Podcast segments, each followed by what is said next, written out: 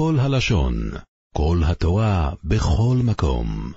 אילן אילן, אילן אילן? צופים יקרים, לשנה טובה תיכתבו ותחתמו לאלתר, לחיים טובים, לשלום ולפרנסה. ט"ו בשבט זה ראש השנה. ראש השנה לאילנות. זה לא אומר שהאילנות קורה להם משהו, זה הכל ביחס אלינו. כי אדם עץ השדה, אנחנו צריכים להתפרנס מהאילנות, הם נותנים לנו את המאכל, את החיים, אז עכשיו, כשזה ראש השנה לאילנות, אנחנו צריכים להרים עיניים לשמיים, להתפלל, שיהיה לנו ברכה, שפע, הצלחה, כל מה שאנחנו זקוקים. אבל תקשיבו טוב, אני רוצה להתחיל עם סיפור, והסיפור הזה הוא קשור ישירות ישירות לט"ו בשבט. מעשה שהיה, אולי, אולי כך היה. היה איזה עשיר גדול אחד, שהיה לו עסקים חובקי, לא חובקי עולם, חובקי כל העיר. היה לו כמה וכמה חנויות של כל מיני נושאים, רהיטים ובגדים ו... ו... ו... ו... ו... והוא היה נוסע פעם בשנה ליריד לקנות סחורה, בשביל כל הח... למלא את כל החנויות. היה יריד גדול בלייפציק, ככה זה היה פעם, לפני 100, 200, 300, 500 שנה. פעם בשנה הוא היה נוסע ללייפציק, ממלא מחסנים. אבל נסיעה ללייפציק מהעיר שלו זה עשרה ימים עם סוס ועגלה. בלייפציק הוא נשאר עוד עשרה ימים, לחפש סחורה, לבשש, להתווכח, לעמוד על המחיר, לחפש מה צריך, מה לא צריך, מה יש, מה לא יש. ועשרה ימים הוא חוזר בחזרה עם שורה של עגלות. חוזר, מעמיס את כל הסחורה שלו על עגלות, חוזר בחזרה לעיר וממלא את כל החנויות. כך היה דרכו מימים ימימה. 11 חודשים הוא בבית, רץ מחנות לחנות, בודק, עושה, מסתכל, וחודש אחד הוא מחוץ לבית. עשרה ימים הלוך, עשרה ימים בשוק ועשרה ימים חזור.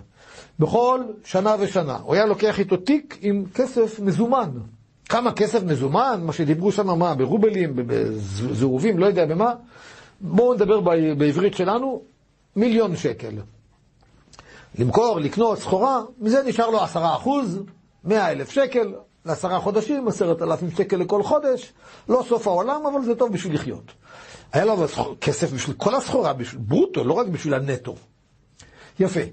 ויהי היום יוצאים לדרך עם התיק מלא כסף. אחרי ארבע, חמש שעות, הכביש של פעם, הסוסים והעגלות, הסוסים צריכים לנוח, אנשים צריכים לחיות. אז היה פונדקים על אם הדרך. נכנסו לפונדק לנוח, לתת לסוסים גם לנוח. אוכל ושותה ונח, חוזר בחזרה לעגלה, נוסעים עד שמגיעים בערב לפונדק כדי לישון בו, ואז הוא מסתכל, וואי, התיק עם הכסף לא נמצא.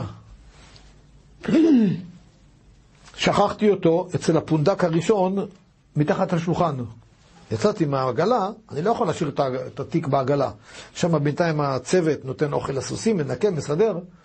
מסוכן, אז לקחתי אותו איתי, השארתי מתחת השולחן, ושכחתי אותו שם. התיק עם מיליון שקל במזומן. מה עושים? לחזור בלילה, זאבים, סכנה. לחזור מחר בבוקר, להגיע בחזרה לפונדק ההוא מחר בלילה, כלומר 24 שעות התיק יהיה בלי פיקוח, אין סיכוי. מקום שורץ אינשי דלא מעלה. שקרנים, שייטיינים, קלפנים, מקום ציבורי כזה. כאש מעתיק. מה נעשה? קשה מאוד להתייאש ממיליון שקל, אבל לוקחים הרבה אוויר והשם יעזור. הלך לשוק, הפעם כבר יותר בצמצום. לא כמו תמיד, קונים, עושים, בכל מקום הוא רושם, מכירים אותו משנים קדמוניות, נתנו לו בקרדיט, וכשהוא הלך עכשיו לאכסניות, הוא רק ביקש לחם עם, עם קצת חמאה, לא ארוחות ראוותניות, אין כסף, הוא, הוא נהיה עני, נפל מיליון שקל, זה לא מיליון שקל שלו, מתוך זה עשרה אחוז שלו בסך הכל. הוא צריך עשר שנים לעבוד רק לכסות את, את, את הגירעון, אחר כך הוא יתחיל להרוויח. מה נעשה? ככה עשה. חודש שלם בשוק, עד שהוא חוזר בחזרה בסוף, בסוף בסוף כל המסלול, הוא מגיע בחזרה לפונדק הראשון. כמובן שהפעם השיירה הייתה יותר דלילה, פחות סחורה, פחות אנשים. נכנס, מסתכל, פתח עיניים של עגל. אני לא מאמין. התיק נמצא איפה שהוא השאיר אותו לפני חודש. בדיוק באותו מקום. מישהו פתח אותו, רוקן אותו והשאיר, למה? כי תיק ריק זה ממצאים מפלילים. עדיף לרוקן ולהשאיר את התיק. הוא ניגש, מרים את התיק, הוא כבד. בטח, הכניסו בפנים חול. פותח, כל הכסף, כל. כל העשרות אלפים שקלים מסודרים, טק, טק, טק, טק, הכל בדיוק כמו שהשאיר אותו לפני חודש. זה לא יכול להיות, זה לא יכול להיות. מיד הסגן שלו, יוסלה קראו לו, ראה את זה, אמר, וואו, יש כסף, חודש שלם אנחנו הצטמצמנו, אכלנו רק לחם. מיד הוא שעט על, ה... על הבר שם והזמין שניצל, צ'יפסים, לא יודע מה שהוא אהב לאכול שם, הזמין, הזמין אוכל בשפע כיד המלך. בינתיים היוסלה הזה רואה שהבעל הבית קצת עצוב. ככה איזו עננה של תוגה. אולי כואבת לו הבטן, יש סיבות אישיות, אולי נזכר בסבתא שלו שנפטרה. תכלס, ברוך השם, חוזרים בחזרה לעיר, יש כסף, יש, יש סחורה, הכל בסדר, ואז בלי שום קשר פתאום מתחילות להיות כל מיני אה, צרות, כל מיני נזקים. חנות אחת, שריפה, בחנות אחת, מעילה, בחנות אחת, גניבה, בחנות אחת, הצפה של מים. טק, טק, טק, כל הסחורה שלו יורדת, יורדת, יורדת לטמיון. והסוחרים בלייפציק ידעו שהוא רשם, רשם אה, את כל הסחורה בהקפה. הם נלחצו, הם שמעו שהמצב שלו על הפנים, אז מיד רצו לגבות את החובות שלהם. רצו, רצו, רצו. לאנשים הראשונים הוא עוד נתן, כן, קחו, קחו, קחו, קחו, קחו, קחו, נגמר לו כל הכסף. הוא התחיל למכור סחורה, התחיל למכור תכשיטים של אשתו, את השעון שלו, את המשקפיים, את ה... מכר, מכר את הבית, מכר כל מה שמכר, ועוד לא הצליח לגמור את כל החובות. טאה, מסכן. אין לו אוכל בבית.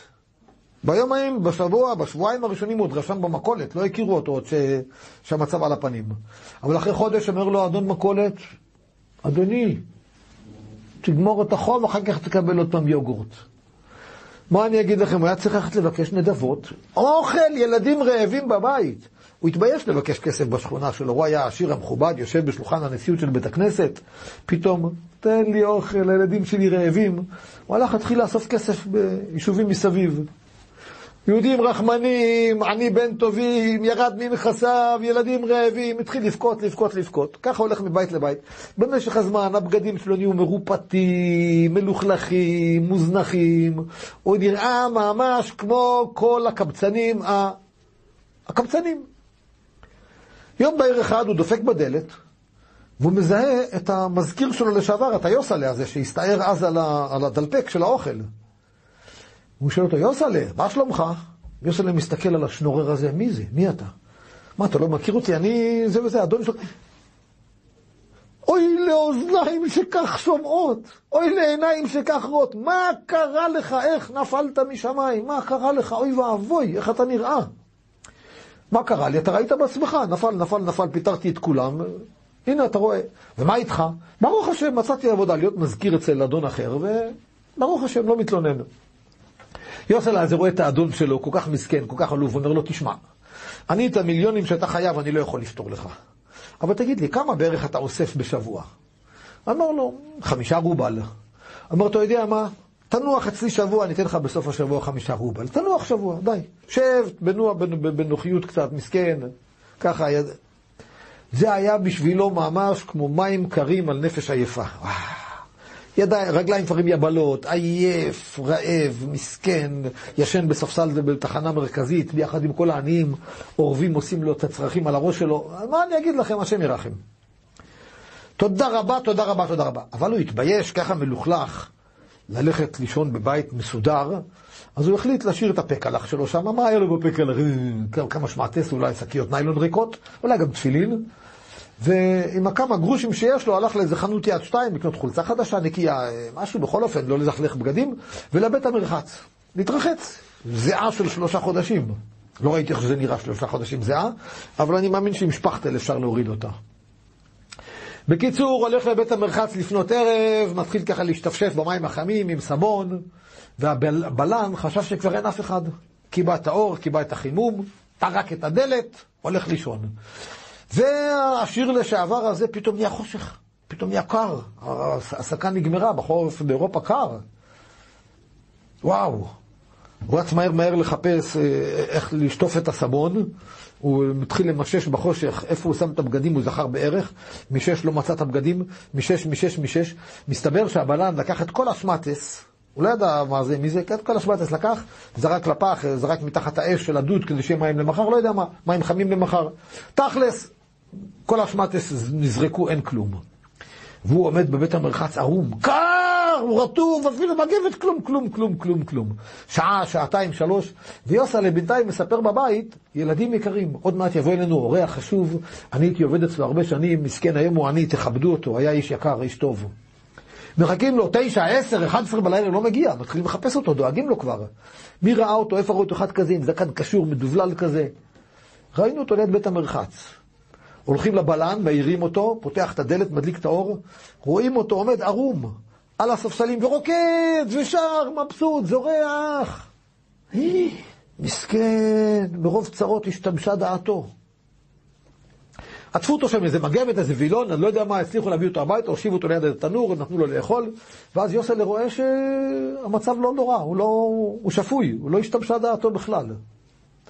טוב, מתחילים לדבר עליו ועליו, ואחר כך יוסל שואל תגיד לי, מה זה? אנחנו ראינו אותך בבית המרחץ, במצב הכי גרוע שיכול להיות, מה רקדת? ובעצם עכשיו אני נזכר שיש לי עוד שאלה עליך. כשאנחנו ראינו אותך אז שם במסעדה, ב... ב...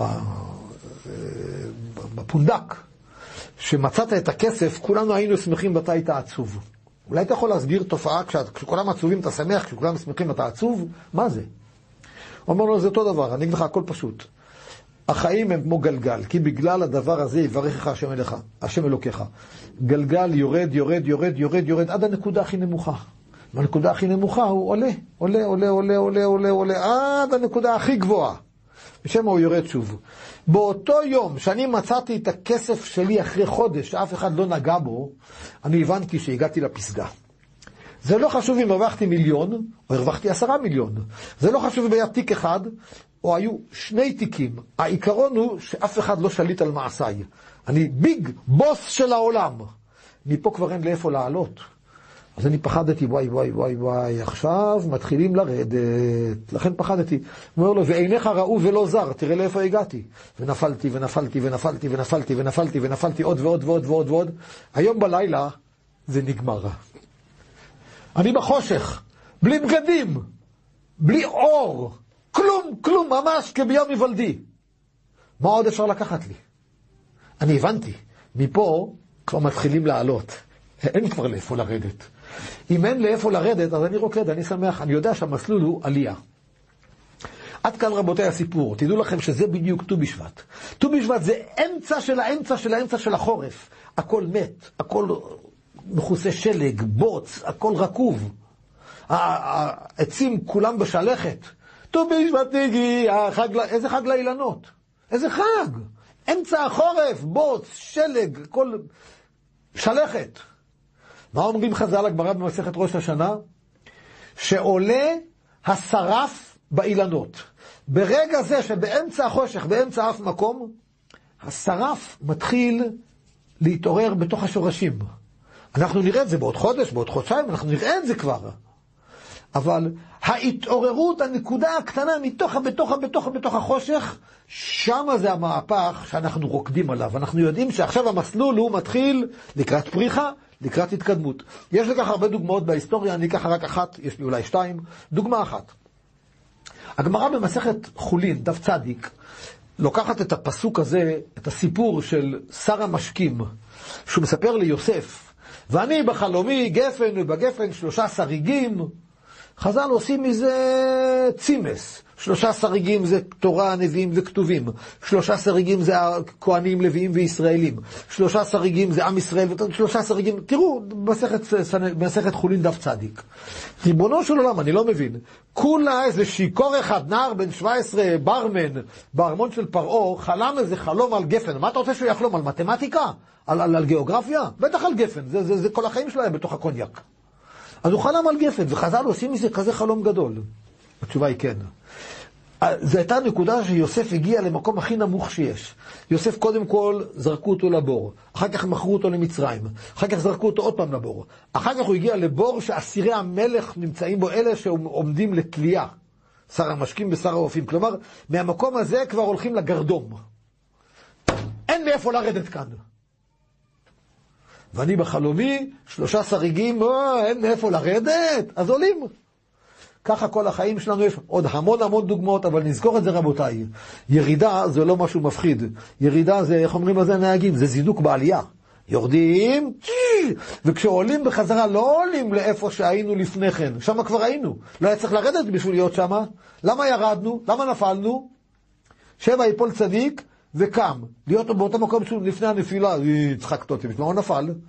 יורדים בשביל לעלות, יורדים בשביל לעלות, יורדים בשביל לעלות תמיד מירידה לעלייה, מירידה לעלייה, שהקדוש ברוך הוא יעזור לנו שיהיה לנו עוד עליות ועוד עליות, בלי ירידות, עד 120 בבריאות ובהצלחה, אמן ואמן.